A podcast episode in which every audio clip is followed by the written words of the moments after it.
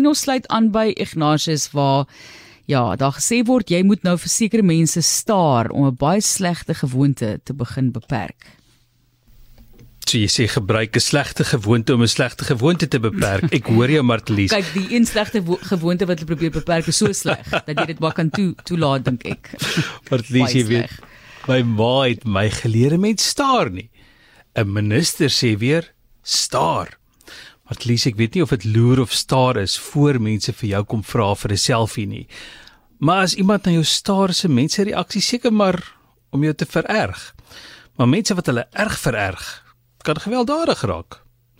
Tog is dit 'n minister van gesondheid wat sê staar in 'n afkeurende wyse. Dis sy raad. Dis hoe hy voorstel jy in Hong Kong maak as mense 'n rookdingetjie aansteek op plekke waar jy nou nie mag nie. Hy wil Hong Kong 'n rookvrye stad maak.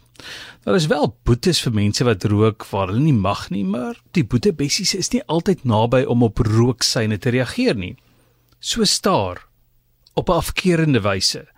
Die minister voel iemand gaan sy sigaret dooddruk as almal staar, maar nie andersins negatief reageer nie. Jy staar mos net. Saam met die staar kan jy jou selfoon uitdruk. Hy het wel gesê fotos en video's sal gebruik word as bewyse om teen onsosiale rokers op te tree. Daardie boete beteken as jy nie daar gerook het nie, was daar so wat 3500 rand meer sigaretgeld.